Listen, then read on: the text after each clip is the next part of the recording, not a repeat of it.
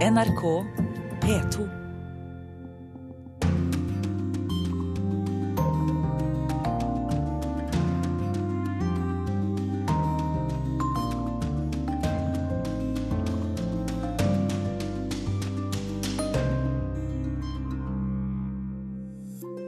President Putin sier han ikke vil ha et splittet Ukraina. Urix på lørdag er tilbake i konfliktsonen. Italias militære kalles inn for å dyrke cannabis. Italia kan bli selvforsynt med marihuana og slippe dagens import fra Nederland. Nord-Koreas øverste leder har eh, vist seg igjen. Men det stanser ikke spekulasjonene. Nord-Korea er et av få regimer igjen i verden hvor kremlologien fra sovjettiden fortsatt lever som metode og verktøy for politisk analyse. Og de siste ukene har vært som jaktstarten for denne særegne sportsgrenen. God formiddag, jeg heter Anders Tvegård, og dette er Urix på lørdag fra et grått og regntungt marinlyst, som også åpner korrespondentbrevet fra ebolarammede Liberia. Sprayflasken med kloroppløsningen blir fort en venn i Liberia. Hendene får en dusj hver gang de har berørt noe som helst. Et håndtak, en kran, et bord. Overalt er det tappekraner for påfyll. Men først Значит, первое, действительно, мы очень много говорили по украинской проблеме или по украинским проблемам. Их много. Dette er president Putin, som sier at de går med på å utplassere droner for å overvåke brudd på våpenhvilen i Ukraina. Etter tre private møter mellom presidentene det siste døgnet er det framskritt i dialogen mellom Russland og Ukraina. Det som trekkes fram er en mulig løsning på gasskonflikten, slik at russerne åpner kranene igjen før vinteren. Korrespondent Morten Jentoft, bare det at de snakker sammen ses på som positivt. Hvordan er reaksjonene i Ukraina? Som du sier, det er jo først og fremst positivt at man eh, opplever at presidentene fra Ukraina og Russland nå eh, snakker sammen. F.eks. her i Odessa, hvor jeg er, en by helt sør i eh, Ukraina, så er jo flesteparten av befolkningen eh, russisktalende. Likevel, eh, de fleste støtter et uavhengig Ukraina. Men alle mener at det nå er viktig at russere og Ukraina igjen begynner å snakke sammen. Og sånn sett så er Kanskje det er det viktigste resultatet av det som er kommet ut av møtet i, i Milano. Ellers er jo folk i Ukraina fremdeles opptatt av hva som pågår på det som man kaller fronten i øst. Det kom meldinger i går om at eh, kanskje så mange som elleve ukrainske soldater var drept i et bakholdsangrep. Fremdeles eh, er det uklart hva som har skjedd med disse soldatene her. Det flyter altså fremdeles blod ved fronten i øst, og mange mener jo at nå må man få slutt på disse kamphandlingene. Nå har det flytt nok blod. Ja, og etter måneder med krigslignende tilstander, hvordan påvirker det folk? Ja, det er klart at det påvirker folk. Ungdom, Unge menn er jo redd redde for å bli sendt til fronten. Her i Odessa hvor jeg er, er det ikke noe spesielt uh, stor krigsvilje. Samtidig så er jo også um, den økonomiske situasjonen i ferd med å bli veldig vanskelig i, i Ukraina. Krigen i øst påvirker uh, hele økonomien i samfunnet. Ting blir uh, dyrere.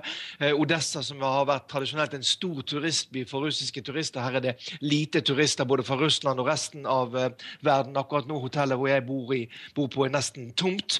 Denne krisen den påvirker nesten alle som bor i Ukraina. Nå lengter folk etter fred, og mange er også spent på hva vinteren vil bringe, i og med at det er usikkert hvordan det går med gassleveransene fra Russland. Men samtidig så er det jo umulig å ikke merke at det er en slags patriotistisk bølge som, eh, som går over Ukraina, faktisk også her i Odessa, som tradisjonelt har vært uh, russiskspråklig. Og uh, her er det nå begynt å bli en slags mote blant i utgangspunktet russiskspråklig ungdom å bruke mer og mer ukrainsk språk.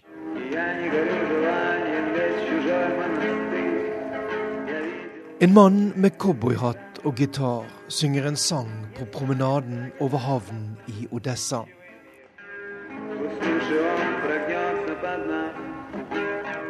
Sangen er av den russiske sangeren Andrej Makarevitsj fra gruppen Maskina Vremeni, og synges naturlig nok på russisk.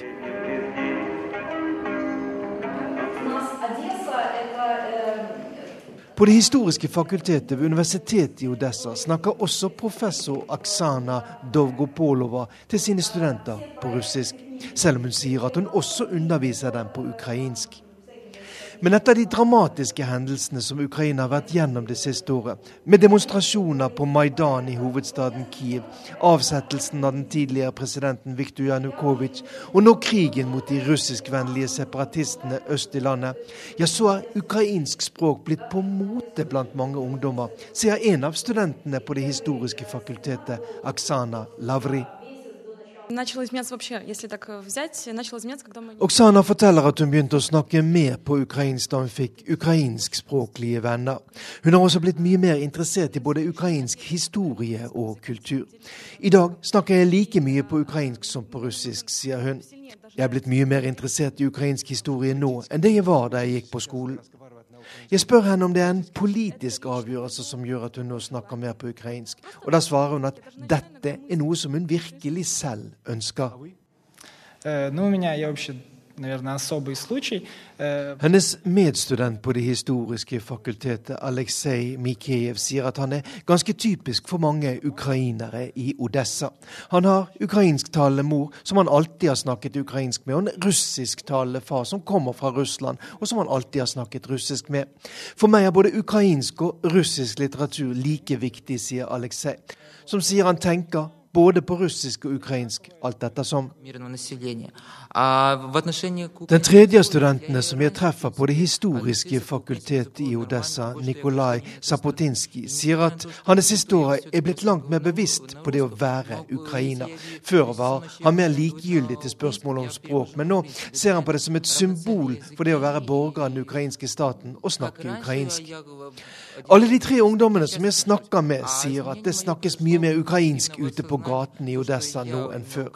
Selv om alle også er enige om at russisk språk også i uoverskuelig framtid kommer til å ha en sterk posisjon i Ukraina, uansett det offisielle forholdet til den slaviske storebroren Russland. Morten Jentoft, ukrainsk språk er blitt eh, mote, rapporterer du fra de sørlige delene. Men hvordan er utsiktene for en løsning på den frosne konflikten? Ja, en eller annen løsning på de akutte problemene må det jo bli. Eh, nå kommer EUs eh, e eh, kommissær for energi til Kiev på mandag for å fortsette der hvor man slapp i Milano, for å få til en, en løsning på gassleveransene til Ukraina gjennom Ukraina til Europa. Når det gjelder situasjonen øst i landet, da, i krigsområdene i, i Donbass, så er man jo veldig spent på, som du sa i begynnelsen av saken, kan disse tiltakene med overvåking av droner eh, stabilisere situasjonen. Man prøver da bl.a. via Organisasjonen for sikkerhet og samarbeid i Europa, som skal koordinere denne droneovervåkingen og, og, og, og gjøre denne våpenhvilen, som man jo ble enige om i begynnelsen av september, effektiv. Så til eh, en som nettopp har reist fra de krigsrammede områdene vår mann snakker om. Ole Solvang, seniorforsker, eller gransker er kanskje mer riktig, hos eh, Human Rights eh, Watch. Du er nå i Paris med en bunke beviser, både mot myndighetene og opprørerne i Ukraina. Hva fant du?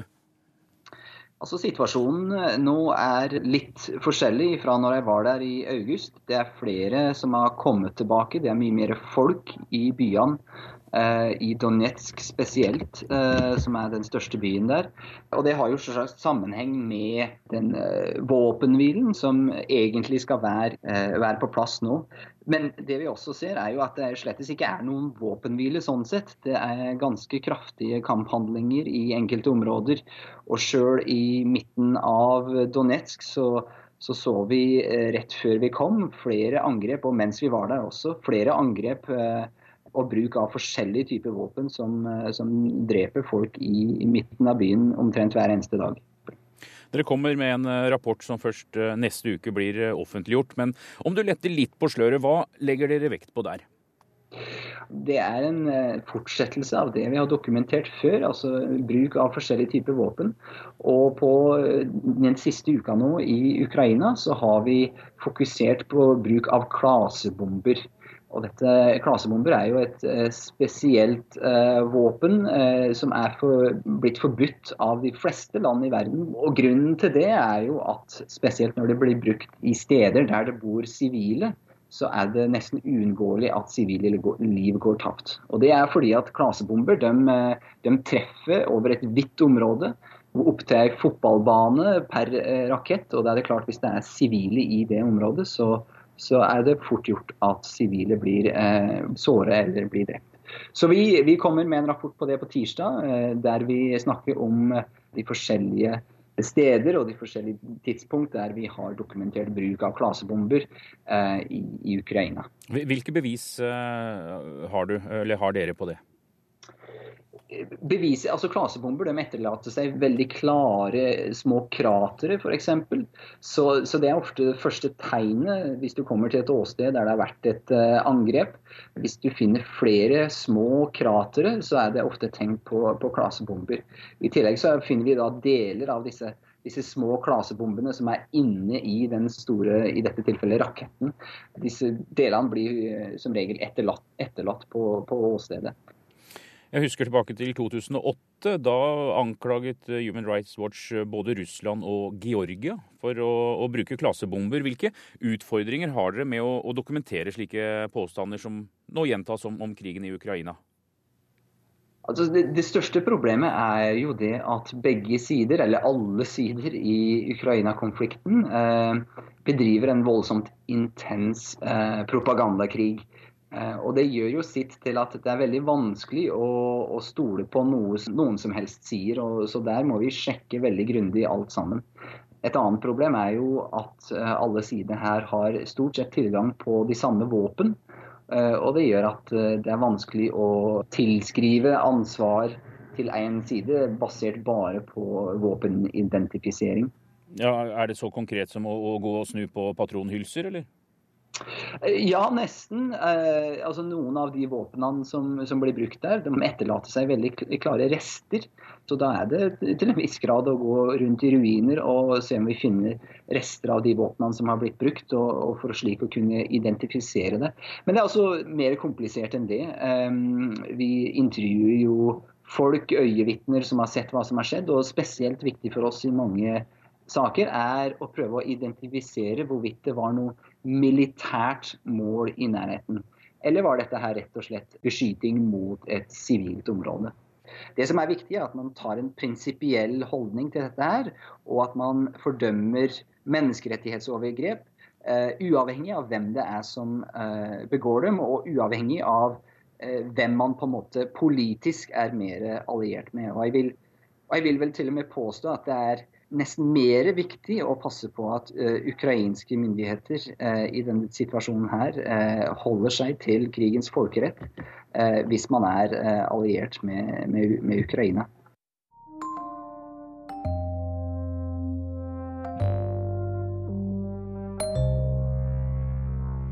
Spekulasjonene har rast i ukevis om skjebnen til Nord-Koreas øverste leder Kim Jong-un. Han forsvant fra offentligheten i over én måned, for så å dukke opp igjen med en stokk. Den offisielle forklaringen, at han skadet kneet mens han levde seg for mye inn i en militærøvelse, er det få som tror på. I en liten container i byen Puchon i Sør-Korea pakker Lee Min-buk nudler dollarsedler, minnepinner og flyveblader. Han jobber sammen med mange andre frivillige, og de fleste er som ham nordkoreanske avhoppere. Etter å ha beregnet vindretning og hastighet slipper de sine pakker festet til sju meter lange varmluftsballonger, slik at ballongene vil blåse inn i det hermetisk lukkede Nord-Korea. 풍선을 통해서 북한 주민들을 진실을 알게 하고 거실에 썩지 않게 해서 Ballongene er den beste veien til fred og gjenforening. Vi forteller nordkoreanerne sannheten og ber dem om å ikke hate USA og Sør-Korea, sier Lee Min-buk. Men lederskapet i nord har hatt verdens oppmerksomhet de siste ukene av helt andre grunner.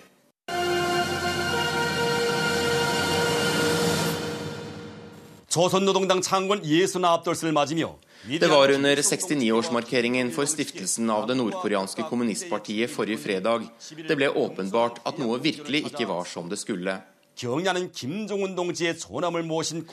Dette er en av de store høytidsdagene i den nordkoreanske juche-sosialistiske personkulten. Dagen feires med danseoppvisninger i gatene og en høytidelig seremoni ved mausoleene til både store og kjære leder i sentrum av Pyongyang. Dette er dagen hvor partiet og militæreliten bøyer sine hoder i respekt for Kim Il-sung, landets fortsatt evige president, mens den eneste som manglet på bildene, var hans barnebarn. Kim Jong-un sendte nemlig bare en blomsterkrans. Nord-Korea er et av få regimer igjen i verden hvor kremlologien fra sovjettiden fortsatt lever som metode og verktøy for politisk analyse. Og de siste ukene har vært som jaktstarten for denne særegne sportsgrenen. Selv om den også har vist sin klare begrensning. Slik kremlologene tolket lys i vinduer og folks plassering på gruppebilder for å forstå hva som skjedde bak murene i Kreml, har Nord-Korea-eksperter av alle tapninger de siste ukene spekulert i hvor Kim Jong-un har blitt av, som regel understøttet av veldig små detaljer. Britenes tidligere ambassadør til Pyongyang, John Everard, gikk kanskje aller grundigst til verks. Den 10. oktober skrev han at alt tydet på et stille kupp nå mot Kim Jong-un. Dersom det var sant at han hadde skadet kneet, kunne han jo latt seg filme sittende ved et bord på partiets 69-årsdag, påpekte han. Han mente mye tydet på at Kim den yngre nå bare er partiets og statsmaktens gallionsfigur, mens en liten krets av hans fars tidligere venner egentlig holder i maktens tømme. Partiet er i akutt pengekrise for å holde elitene i Pyongyang velforsynt med klær, konjakk og Nespresso-maskiner etter at Kina kuttet deler av bistanden etter prøvesprengningen i fjor. Derfor har generalene fjernet ham, mente John Everett, og så satte han sin kremlologi i firehjulstrekk. Tre av Nord-Koreas høyeste tjenestemenn besøkte nemlig sørkoreanske Incheon den 3. oktober, og under dette besøket var det mye som ikke stemte. De besøkende smilte og lo, som nordkoreanske partipamper aldri gjør. Men kanskje følte disse tre for første gang siden 50-tallet at de var ute av Kim-klanens stramme grep. De gikk i militæruniform, som er forbeholdt høytidelige anledninger og ikke vanlig ved statsbesøk. Og de hadde livvakter, som vanligvis bare beskytter landets leder. De hadde heller ikke med seg noe brev fra Kim Jong-un, noe som kunne bety at han ikke lenger er i posisjon til å skrive slike brev. Spekulasjonen virket både klok og skarpsindig. Helt inntil Kim denne uken dukket opp igjen, med stokk. Hans propagandaapparat virket også mer enn intakt. 비라 주머니를 매달고 날아 들어오던 기구들이 경로한 우리 군인들의 무자비한 화력 타격에 위하여 공중에서 Propagandaballongene fra sør ble skutt ned i luften gjennom et brutalt luftangrep fra vårt rasende flyvåpen, kunne denne nordkoreanske nyhetsoppleseren melde denne uken. Nordkoreanske medier advarte om dødelige angrep mot sør hvis det kom flere ballonger. Men i konteineren lar Lee Min-buk seg ikke skremme.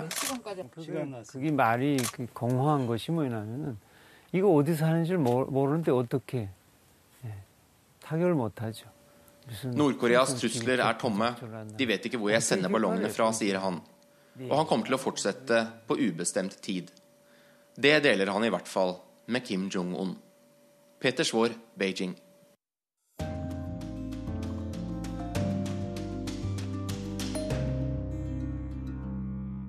Vi skal til byen Iguala, sør for Mexico City. For to uker siden forsvant 43 studenter, og nå rulles en ristende historie opp om tette bånd mellom myndigheter og narkotikakarteller. Sånn hørtes det ut i Urix tidligere denne uka. Massegravene inneholdt eh, ikke de 43 savnede studentene, mener myndighetene nå. Flere politifolk er arrestert, mistenkt for å ha overlevert studentene til et eh, narkotikakartell. I Mexico fortsetter protestene. Rasende mennesker går til angrep på justisdepartementet i hovedstaden Mexico City, mens de roper 'mordere'. Noen av demonstrantene kaster stein mot bygningen. Flere vinduer blir knust. De mener myndighetene ikke gjør nok for å finne de 43 studentene som har vært savnet i tre uker. Situasjonen i Mexico gjør oss rasende. Jeg er lei av undertrykkelsen og mangel på rettssikkerhet i dette landet, sier Lorena Rodas, en ung kvinne i 20-årene som demonstrerer foran Justisdepartementet. 26.9 skjøt politiet mot en buss med lærerstudenter i byen Iguala, rundt 20 mil sør for Mexico City. Seks ble drept, minst 25 skadd, og 43 har vært savnet siden da. Studentene kom fra en radikal lærerskole for å demonstrere mot lærernes dårlige kår. Angel Neri de la Cruz var en av studentene som overlevde. De lokale politimennene tok studentene med seg. Nå sier de at de overlot dem til narkosmuglere. Det betyr at vi har narkomyndigheter i delstaten vår, sier Angel. Politi og soldater bevokter en massegrav med 28 forbrente lik, som ble funnet i utkanten av byen noen dager etter at studentene forsvant. Myndighetene fant massegravene etter at to medlemmer av en organisert kriminell gruppe tilsto å ha drept 17 av studentene. Den kriminelle banden hadde forbindelser til et av de mektige narkokartellene i landet. De fleste trodde at de forkullede likene var de savnede studentene, men det stemte ikke. Prøvene vi har tatt av likene, samsvarer ikke med DNA-prøver av de savnede studentenes familier, fortalte justisminister Jesu Morillo på en pressekonferanse. Alle lurer nå på hvem de drepte i massegraven er. I tillegg har myndighetene funnet andre massegraver i samme område den siste uka. Alle lurer også på hva som har skjedd med de savnede studentene. Saken har rystet Mexico og ført til opprullingen av en av de verste skandalene i landet, som viser hvor tette båndene er mellom politi, myndigheter og de brutale narkokartellene. Mer enn 30 lokale politimenn er arrestert, mistenkt for å ha samarbeidet med narkokartellene om bortføring og drap på noen av studentene. Sikkerhetssjefen er etterlyst, og borgermesteren og hans kone har flyktet og er som sunket i jorda. I tillegg er hele den lokale politistyrken avvæpnet. Føderalt politi og soldater har overtatt sikkerheten i byen. Saken har skapt politisk hodebry for president Enrique Peña Nieto, som lovte å få en slutt på narkovolden da han ble innsatt som president for to år siden. Rundt 100 000 mennesker er drept som følge av narkovolden de siste årene. Flere titusen er trolig forsvunnet. President Nieto lover å rydde opp, og at de ansvarlige bak bortføringen av studentene skal tas. Men mange tror ikke på ham. For det er ikke første gang det er avslørt tette forbindelser mellom narkokartellene og myndighetene i Mexico. Mange politifolk og politikere står på lønningslistene til de brutale kartellene. Og nå ser det ut til at meksikanerne har fått nok. Over hele Mexico har det vært store demonstrasjoner mot myndighetene siden studentene forsvant.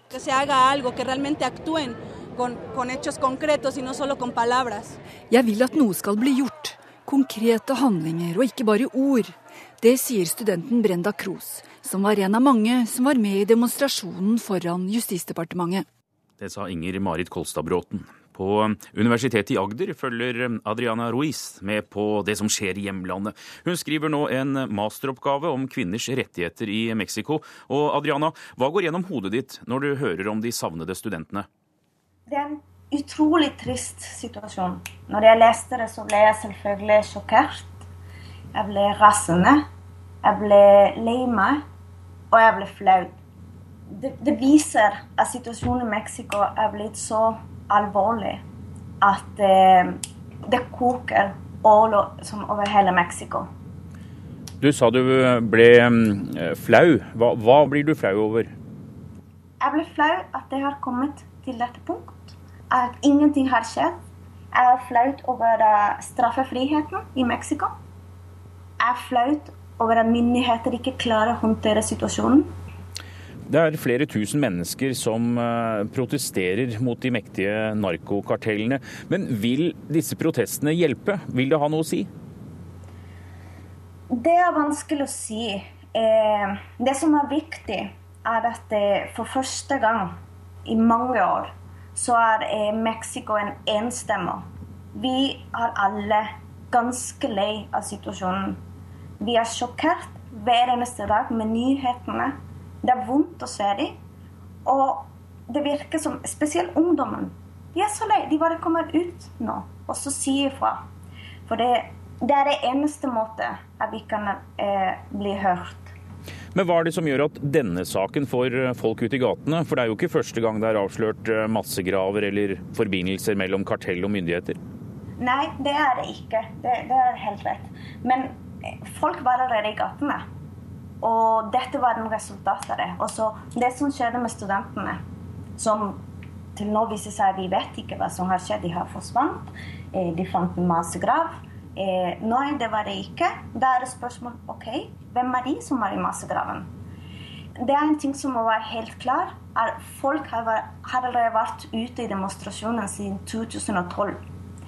Eh, demonstrasjoner i forbindelse med reformer. Det er i forbindelse med narkokartellene. Det er i forbindelse med urettferdigheter. Og så er det en ting som skjer. Det er en anarkistbevegelse. En veldig liten gruppe som kommer seg inn i protest i demonstrasjonene, selv om disse er fredelige. Og så begynner de å skape kaos. Og etter det så begynte myndigheter å bruke litt sterkere makt imot demonstrantene. For at det, det begynte å komme ut av kontroll. Adriana, har du tro på at denne saken, disse protestene, kommer til å um, endre noe i, uh, i Mexico? Eller har man lært seg å leve med situasjonen og har en slags aksept for hvordan samfunnet har blitt? Jeg har stilt meg det samme spørsmålet flere ganger, egentlig. Jeg har trodd på internasjonale samtaler og internasjonal press. Jeg har ikke trodd på at det er nok med demonstrasjoner.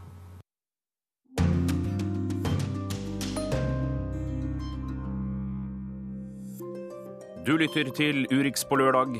Den neste halvtimen skal vi høre at det ligger an til målfoto i Brasils minst forutsigbare presidentvalg. Kommentatorene så ikke Dilmas utfordrer. Han er blitt kalt en playboy og en overklassegutt, og begge deler har en solid kjerne av sannhet. Cannabisens eh, framvekst i Italia og korrespondentbrevet fra ebolarammede Liberia ligger også på spillelista, men først til New York. The General Assembly will now proceed to the election of five non-permanent members of the Security Council FN samlet seg før helga for å velge nye medlemmer til verdens mektigste bord. Annethvert år så byttes fem medlemmer ut, og de nye som skal få prøve seg, som har fått diplomatiets førstepris, er Angola, Malaysia, Venezuela, Ny-Zealand og Spania. En spennende miks, virker det som. Geir O. Pedersen, du er Norges FN-ambassadør og med oss fra New York. Hva slags sikkerhetsråd får vi nå? Jeg tror ikke det blir de helt store endringene. Eh, det viktigste som du vet, er jo selvsagt eh, de fem faste medlemmene. Det er de som setter agendaen og preger eh, dagsordenen i, i, Sikkerhetsrådet. Og så er det alltid slik at de som velges inn, står mer eller mindre nært noen av de faste medlemmene. Det har på en måte alltid vært tradisjonen, og da er det litt forskjellige grupper som du vet i FN.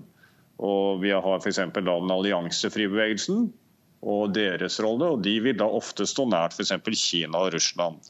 Og Den fremste talsmannen for dem i, blant de ikke-faste medlemmene i det nye rådet, det vil da være Venezuela. Ja, De er jo kjent for utfall mot Vesten, spesielt da Hugo Chávez var president. og eh, La oss høre hva Venezuelas utenriksminister sa. Este triunfo contundente se produjo a pesar de la continuada campaña de descrédito contra nuestro país y nuestras instituciones. Dette er altså Venezuelas utenriksminister som sier at triumfen kom til tross for svertekampanjen mot eh, landet. Hva kan vi vente oss av Venezuela i FN-sammenheng, Pedersen? Vi kan nok regne med at Venezuela kommer til å stå veldig nære Russland på en del av de viktigste konfliktspørsmålene, særlig relatert til Midtøsten, hvor det vil være det vi kaller såkalte suverenitetsspørsmål som kommer inn i bildet. Med andre ord, altså hvor Understrekningen vil være i stedet for å beskytte sivilbefolkningen, som vi legger vekt på, så vil eh, Venezuela være opptatt av det de kaller da nasjonal suverenitet for den til hver tid eh, sittende regjering i landet. Det vil imidlertid jo ikke bidra til å endre noe dramatisk på styrkeforholdet i rådet. fordi eh, dette er jo allerede i dag forfektet av eh, Kina og Russland i særdeleshet. Og så lenge de to da har eh, vetomakt, så betyr det at noen endring i rådets dagsorden og politikk vil ikke komme pga. Venezuela. Det måtte flere avstemninger til for å avgjøre om eh, Tyrkia eller Spania skulle få en stol, og Spania trakk til slutt eh, det lengste strået. Hvilket land eh, støttet Norge? Det var et godt forsøk, men som du vet så sier vi ikke hvem vi støtter i når det gjelder avstemninger til Sikkerhetsrådet. Det er en lang tradisjon og som følges av, av, alle så å si på dette området. La meg prøve en annen måte da. Hvordan leser dere diplomater denne dragkampen mellom eh, Spania og Tyrkia, og da også utfallet som ikke var positivt for Tyrkia? Eh, jeg tror det er to hovedforklaringer på dette. Det ene er at Tyrkia kom veldig sent på banen. Eh, Tyrkia var jo medlem av Sikkerhetsrådet for senest fire år tilbake. Og når de da lanserte seg som kandidat, så hadde allerede mange av oss allerede eh, vært og hatt diskusjoner med andre i lengre tid. Og Det har nok preget eh, avstemningsbildet. Det siste, og kanskje vel så viktige elementet, er at Tyrkia har blitt mye mer omstridt i Midtøsten. Eh, blant de arabiske statene. Og er det ikke ingen hemmelighet her i New York at eh, en god del av de arabiske statene mobiliserte mot eh, Tyrkia. Jeg ser en tweet fra delegasjonen din, et bilde med gaver på bordet i FN-salen. Ta oss med bak kulissene. Ja, Det er en, eh, også en lang tradisjon at det gis uh, hovedsakelig små gaver. Jeg tror jeg fikk uh, noen sånne tyrkiske søtsaker. Jeg fikk noe uh, sjokolade. Og det er blitt utdelt olivenolje og mange forskjellige ting. Og så er det en, en, god del av kandidatene de inviterer da til reiser til hjemlandene, slik at folk kan få et bedre inntrykk av politikken og hvordan det ser ut i disse forskjellige landene. Det som vi, jeg synes var interessant å observere i år, var at jeg tror ikke de som brukte mest penger, var de som fikk eh, størst eh, oppslutning. Eh, New Zealand som ble valgt, og som jo er veldig likesinnet med oss på de fleste områder, var ikke av de som har brukt mest på dette. Og fikk likevel da komme gjennom i første avstemningsrunde i, i Vestgruppen. Og det syns vi er et sunnhetstegn i denne situasjonen. En eh, OL-søknad om å arrangere lekene i eh, Norge i 2022 ble det ikke, men eh, Norge kan få en plass rundt Sikkerhetsrådets bord i samme periode. Hvordan jobber du for å sikre støtte? Det vi gjør er å holde en gjennomgående høy profil. Norge er jo i FN-sammenheng kjent som en brobygger. Vi har en klar politikk på alle de områdene som er viktige for Sikkerhetsrådet og viktige for, for, FN. Og jeg tror det er riktig å si at Fordi det også er stor kontinuitet i norsk utenrikspolitikk, så er vi gjenkjennelige og vi er eh, respektert. Har du også kjøpt inn eh, ekstra mye laks og akevitt for å dele ut? Dette er som du vet eh, noe fram i tid. Vi er jo en del av en såkalt nordisk rotasjonsordning. Eh, sist gang var det Finland som stilte. Finland nådde ikke opp. Eh, nå om to år eh, så vil det være Sverige som er kandidat. Og I første omgang så er det viktig for oss nå at Sverige har en suksessfull kampanje og blir valgt inn. Og så får vi komme tilbake til spørsmålet om norsk kandidatur.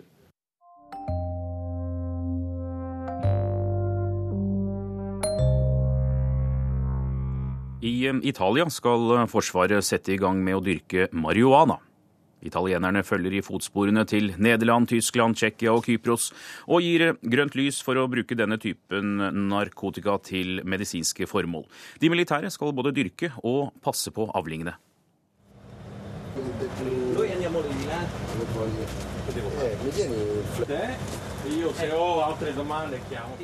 I et drivhus et stykke utenfor Venezia diskuterer italienske forskere de grønne plantene som de dyrker fram. Marihuanaplantene er flotte og frodige. Noen er små, andre er et par meter høye. Lys, temperatur og luftfuktighet kontrolleres nøye for å få best mulig vekstvilkår. Il, il, il nostro scopo è quello Målet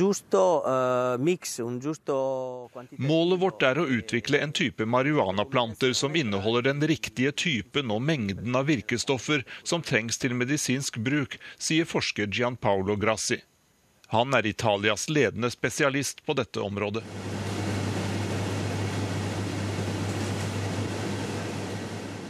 Plantene som drives fram her skal om få måneder overtas av det italienske forsvaret. Regjeringen har bestemt at de militære skal stå for produksjonen av marihuana til medisinsk bruk. Det skal skje på et godt bevoktet militært anlegg utenfor Firenze. Lo scopo è ovviamente quello di ridurre il costo, questo è il motivo per cui si è fatto. Noi pensiamo di diventare eh, autosufficienti. E... Målet med dette prosjektet er å redusere kostnadene, sier den italienske helseministeren Beatrice Lorenzin. Italia kan bli selvforsynt med marihuana og slippe dagens import fra Nederland. Dermed kan utgiftene bli mer enn halvert, tror ministeren. Og akkurat prisen er viktig. En måneds forbruk koster nå om lag 9000 kroner, og det er utenfor rekkevidde for de aller fleste som trenger marihuana til å dempe smerter, kvalme og andre virkninger av sykdommer og medisinsk behandling. Når prisen blir kraftig redusert, kan trolig tusenvis av nye pasienter ta i bruk marihuana. Det er også snakk om at medikamentet kan bli å få på blå resept, altså at pasientene slipper å betale for noe som helst.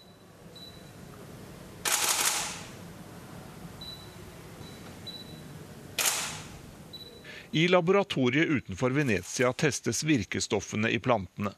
Forskerne tror at denne typen narkotika har mange fordeler framfor andre medisiner. Di cannabinoidi. Nel caso dell'uso medico invece è un vantaggio notevole perché en pasient trenger bare å ta noen milligram av dette stoffet, sier forsker Gian Paolo Grassi. Han viser til at det enkelt kan løses opp i drikke eller blandes i noe søtt. Det er svært lite som skal til for å oppnå en positiv effekt. Lederen for den italienske foreningen for medisinsk bruk av cannabis er anestesilege. Han er helt enig med forskeren. Lui fa, fa la chemioterapia e, e aveva nausea, vomito, e aveva. En av mine pasienter gjennomgikk cellegiftbehandling, og han var svært plaget av kvalme, smerte og depresjon, forteller Francesco Crestani. Etter at pasienten begynte å bruke marihuana, forsvant de fleste av plagene, sier legen. I Italia er det forholdsvis strenge straffer for å produsere og selge narkotiske stoffer som marihuana og tradisjonelt er det mafiaen som har kontrollert denne typen ulovlig virksomhet. Nå satser myndighetene på at de militære skal klare å holde mafiaens klamme hånd borte fra produksjonen av stoffet til medisinsk bruk. Samtidig sier regjeringen at Italia ikke kommer til å følge utviklingen i flere amerikanske delstater. Der har narkotika til medisinsk bruk vært det første skrittet på veien mot full legalisering av marihuana. For å plukke opp tråden til Jan Espen Kruse. Over halvparten av amerikanerne, 57% for å være nøyaktig, bor i delstater der cannabis eller marihuana er lovlig. Enten til medisinsk bruk, fritidsbruk eller at fengselsstraff er omgjort til bot. Gro Holm med Urix på lørdag fra Washington. Det virker som om amerikanerne har snudd på relativt kort tid. Hva har skjedd? Ja, Det er flere faktorer som nok spiller inn. Det ene er jo eh, at det er et generasjonsskifte. Popkulturen eh, er en kultur hvor det er relativt vanlig å, å, røyke. Det er vanlig på konserter, det er vanlig i selskaper blant ungdom. Og vi ser jo også av meningsmålingene at blant amerikanere under 29 år så er det eh, godt og vel to tredeler som støtter legalisering. Og så er det mer etablerte folk, leger, som har begynt å argumentere for at det ikke er så skadelig som man man kanskje trodde. Det er ikke slik at marihuana fører til eh, bruk av heroin eller sterkere stoffer. Og dessuten så kan det brukes til smertelindring, altså i positiv forstand. Smertelindring ikke minst for folk som har kreft. Eh, og flere av de mest kjente fjernsynslegene her i USA har snudd i synet på legalisering av marihuana i det siste. Er det noen signaler som uh, tyder på at det kan bli lovlig eller legalisert også på føderalt nivå? Nei, det er det ikke. Det er fortsatt flertall i eh, Kongressen, i Representantenes hus, mot legalisering. Eh, Obama har eh, jo innrømmet at han selv har røykt. Og han har vel signalisert at han ikke kommer til å være så veldig aktivistisk når det gjelder å forfølge de som røyker der hvor, i de delstatene hvor det er avkriminalisert eller legalisert. Men på den annen side, når Justisdepartementet ber om lov til å se på forskrifter og regler, så kan jo ikke Obama nekte dem å gjøre det. Det er forbudt ved føderal lov å både ha og røyke. Og Om drøye to uker så er det mellomvalg, og det er ikke bare politikerne som da skal i ilden. Flere steder så skal eh, også velgerne legge føringer for eh, cannabispolitikken.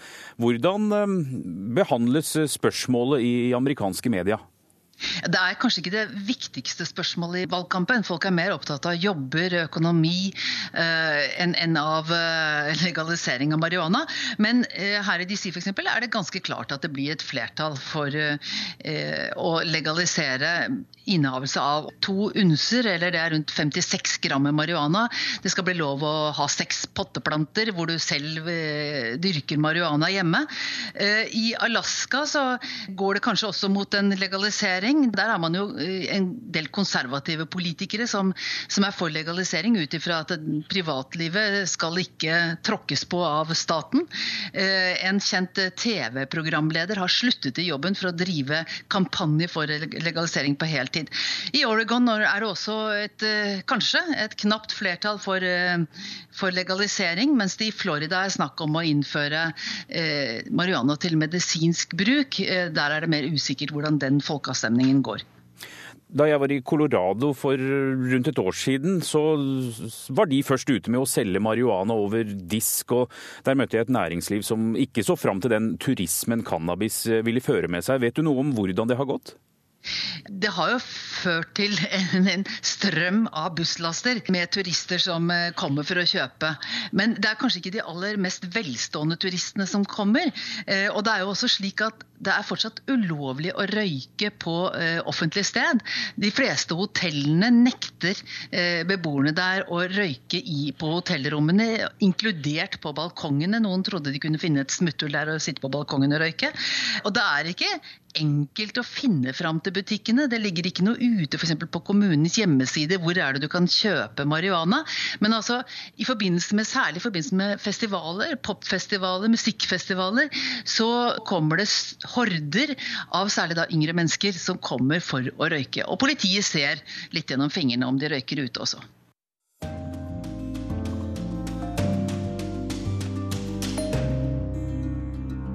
Brasil er i innspurten på en dramatisk valgkamp, og valget neste søndag kan bli det mest spennende på flere tiår. De siste målingene viser at sentrum-høyre-kandidaten Aesio Neves har et ørlite forsprang på den sittende presidenten Dilma Rousef. Arnt Stefansen i Rio de Janeiro gir oss et bilde av han som kan bli Brasils neste leder. Han kommer rett mot meg med et selvsikkert smil, og han ser yngre ut enn sine 54 år. Aesio Neves er mannen som sier han vil redde Brasil fra korrupsjon og økonomisk krise. Jeg møter ham på en pressekonferanse her i Rio de Janeiro. Han er kledd i en elegant blå dressjakke, olabukse og lyseblå skjorte uten slips. På jakkeslaget har han et stort gult merke med tallet 45, partinummeret ved valget neste søndag. Mitt mål er å forandre Brasil, É com a mudança de valores em primeiro lugar, de postura, de compromisso com a ética. I første rekke handler det om nye verdier og nye holdninger. Med det som utgangspunkt skal vi gjøre en bedre jobb enn dagens regjering. For dagens makthavere etterlater seg en trist arv. En inflasjon ute av kontroll, svak økonomisk vekst, kontoer i uorden og tap av troverdighet, sier presidentkandidat Aesio Neves.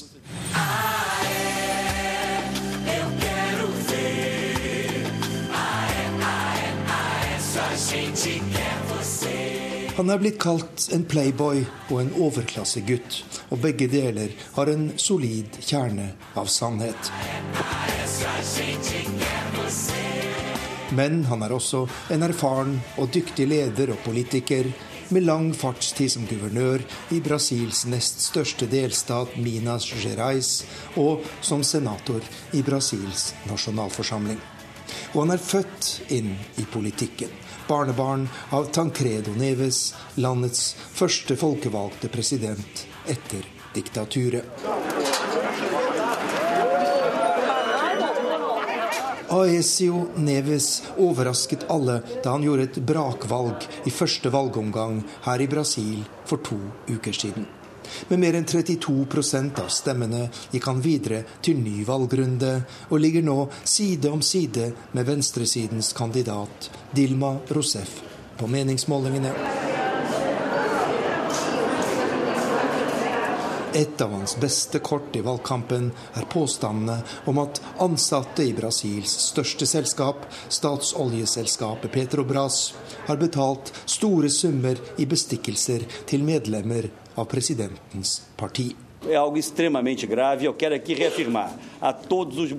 Dette er ekstremt alvorlig, sier Aesio Neves på pressekonferansen her i Rio.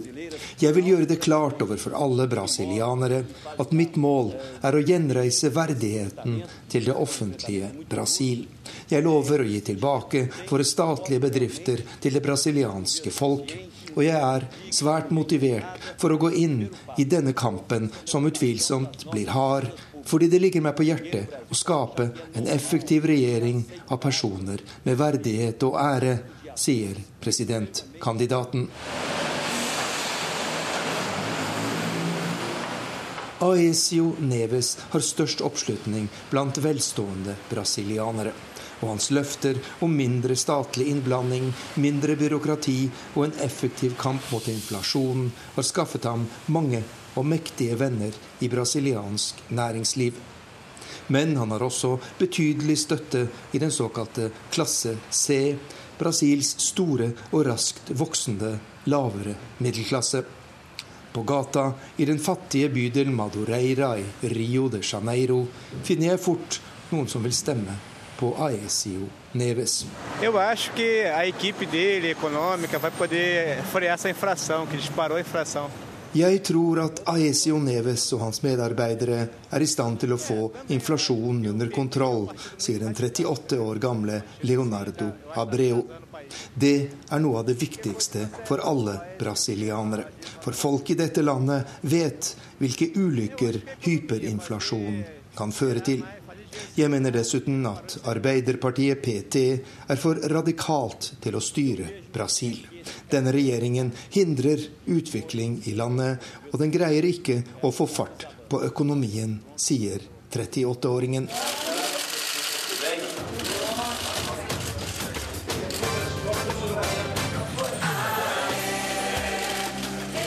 Aesio Neves fra sentrum-høyrepartiet PSDB er Brasils mest omtalte politiker i øyeblikket. Neste søndag får vi vite om han blir ny president i verdens sjette største økonomi.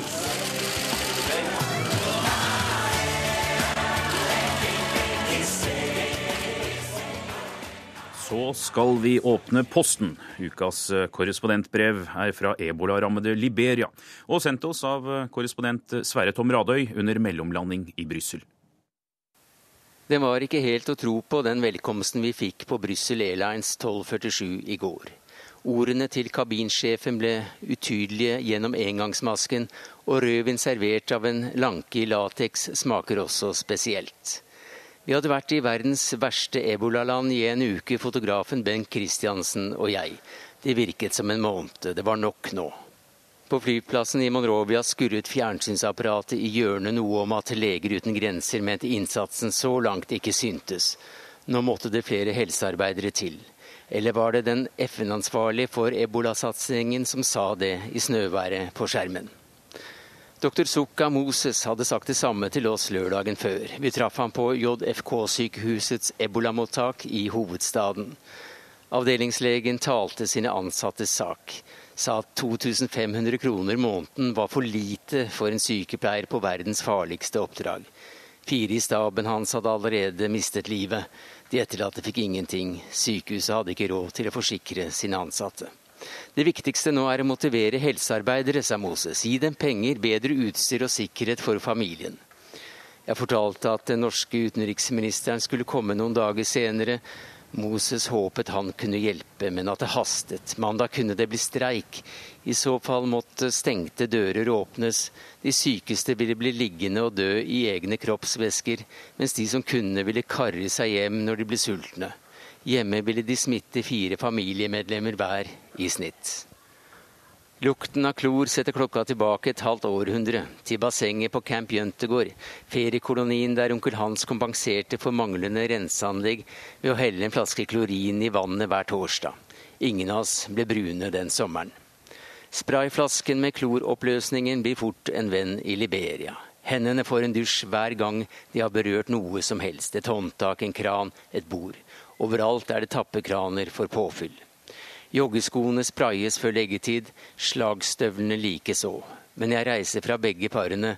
Europa ville ikke likt å få dem tilbake. Bengt bannet hest. Nettet var nede, og tiden var knapp. Mandag hadde vi dratt tilbake til ebolamottaket på JFK-sykehuset for å se om helsearbeiderne virkelig streiket. Det gjorde de. Slipp meg ut! Douglas ropte til sykehusledelsen, som hadde sperret ham og de andre helsearbeiderne inne bak gitterporten. Kameraet gikk. En sykepleier brast i gråt og sank ned på kne. Hun hadde mistet nok et par kollegaer ved sykehuset.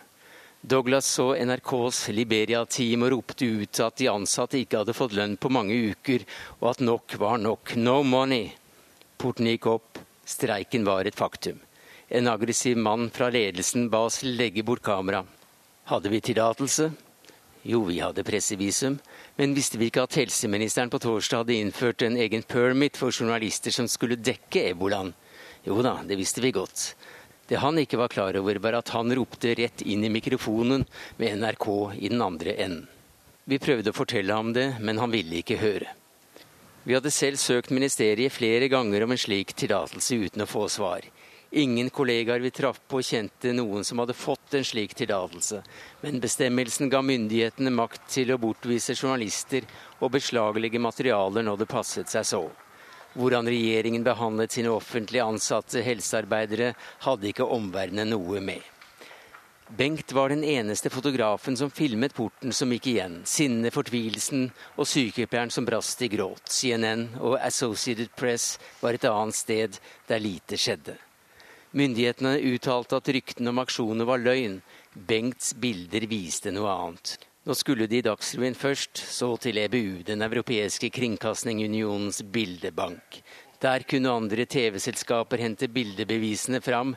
Vi hadde dårlig tid, det var 20 minutter til sending. Da brøt internettforbindelsen helt sammen. Nettet er nede i hele Monrovia, sa resepsjonisten, men kunne komme tilbake hvilken time som helst. Bengt løp ut med den mobile satellittfangeren for å få sendt stoffet via verdensrommet, men bygningene sperret veien. Marienlyst fulgte spent med. Så ruslet et par kilobytes inn på rom 39 på Mamba Point Hotel. Så noen til. Til slutt ble forbindelsen såpass at bildene kom seg over sjø og land til Studio 5 på Marienlyst i Oslo.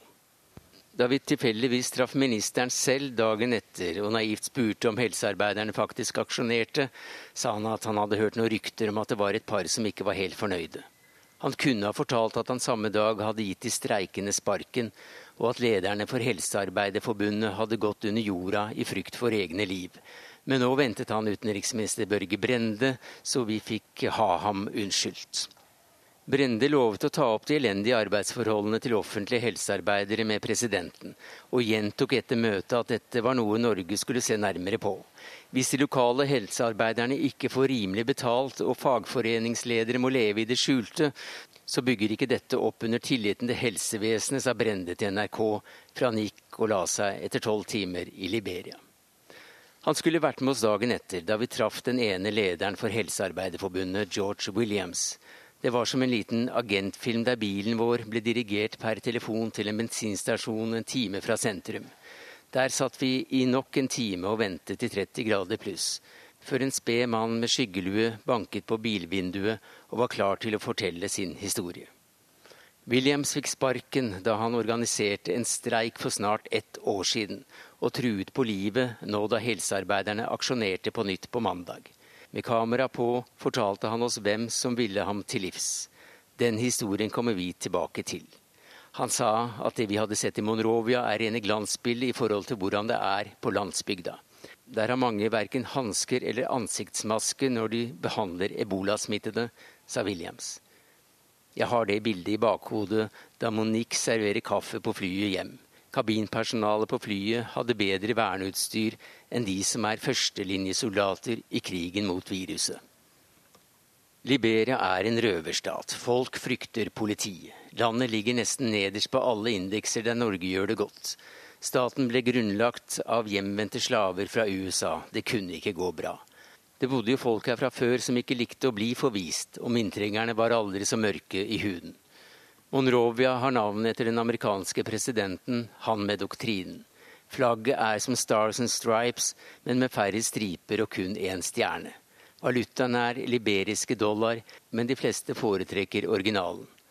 Landet har vært en USA-venn i kalde krigen-tider, da Sovjet og USA brukte også dette kontinentet i spillet om Vår Herres klinkekule.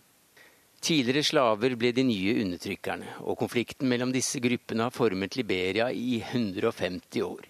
Så kom borgerkrigen og tok en kvart million liv, og freden, som brakte håp til landet som i 2010 var verdens mest korrupte og et av verdens fattigste.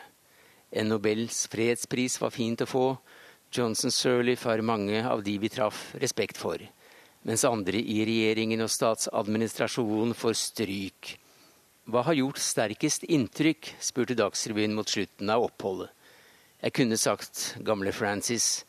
Vi så og filmet ham på god avstand da han ble båret ut av menn i hvitt fra smuget i Vest-Afrikas største slum, West Point. Det klassiske bildet på ebolaland nummer én. At bestemor såpet inn en naken guttunge rett bortenfor, vises ikke så ofte fram. Han sto der i balja og ble skrubbet til han skinte. Så tok hun sandalene og ga dem samme omgang, mens ebolabilen satte sirenene på. Over veien sto nabokona krumbøyd og vasket klær. Hun vred plagget halvtørt og slang det opp på baken til mellomlagring og tok fatt på neste plagg. Gutta i gata sparket en fillebylt gjennom trange smug. En ung jente så langt etter den største gutten. Liv leves i Liberia. Selvsagt gjør det det, det er bare vi tilreisende journalister som trodde noe annet før vi kom. Sverre Tom Radøy. Det var eh, utenriksmenyen eh, denne lørdagen. Teamet som eh, ønsker god helg, er Lisbeth Selreite, Bente Alice Westgård og Anders Tvegård. Kommentarer eller tips? Du når oss på sosiale medier under emneknagg NRK Urix. Og vil du høre noe igjen, sjekk ut podkasten på NRKs nettsider. Vi høres.